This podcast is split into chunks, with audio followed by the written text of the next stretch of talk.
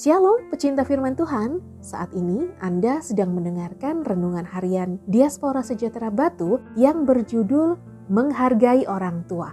Bacaannya dari kejadian 9 ayat 18 sampai 23. Nuh dan anak-anaknya.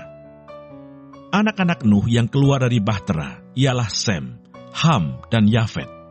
Ham adalah bapa Kanaan. Yang tiga inilah anak-anak Nuh dan dari mereka inilah tersebar penduduk seluruh bumi. Nuh menjadi petani, dialah yang mula-mula membuat kebun anggur. Setelah ia minum anggur, mabuklah ia dan ia telanjang dalam kemahnya. Maka Ham, bapak Kanaan itu melihat aurat ayahnya, lalu diceritakannya kepada kedua saudaranya di luar. Sesudah itu Sem dan Yafet mengambil sehelai kain dan membentangkannya pada bahu mereka berdua. Lalu mereka berjalan mundur mereka menutupi aurat ayahnya sambil berpaling muka, sehingga mereka tidak melihat aurat ayahnya.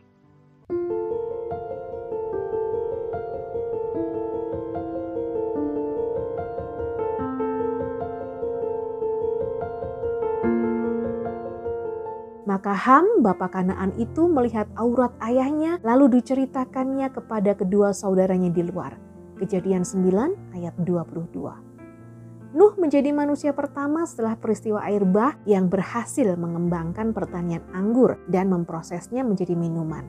Pada saat Nuh berhasil mengolah buah anggur menjadi minuman, hatinya merasa senang. Karena terlalu senang, Nuh sampai lupa diri sebab ia terpengaruh oleh kandungan alkohol yang ada dalam minuman yang terbuat dari anggur tersebut. Akibatnya, akal sehat Nuh tidak berfungsi dengan baik untuk sementara waktu. Lalu, dia melakukan hal-hal yang tidak sepatutnya dilakukannya. Dalam kondisi tersebut, Nuh tidak menjadi teladan bagi anak-anaknya, sehingga Ham, salah satu dari anak Nuh ini, merasa bukan hal yang penting untuk menolong ayahnya yang sedang dalam kondisi telanjang karena pengaruh dari alkohol yang ada pada minuman yang terbuat dari anggur tersebut.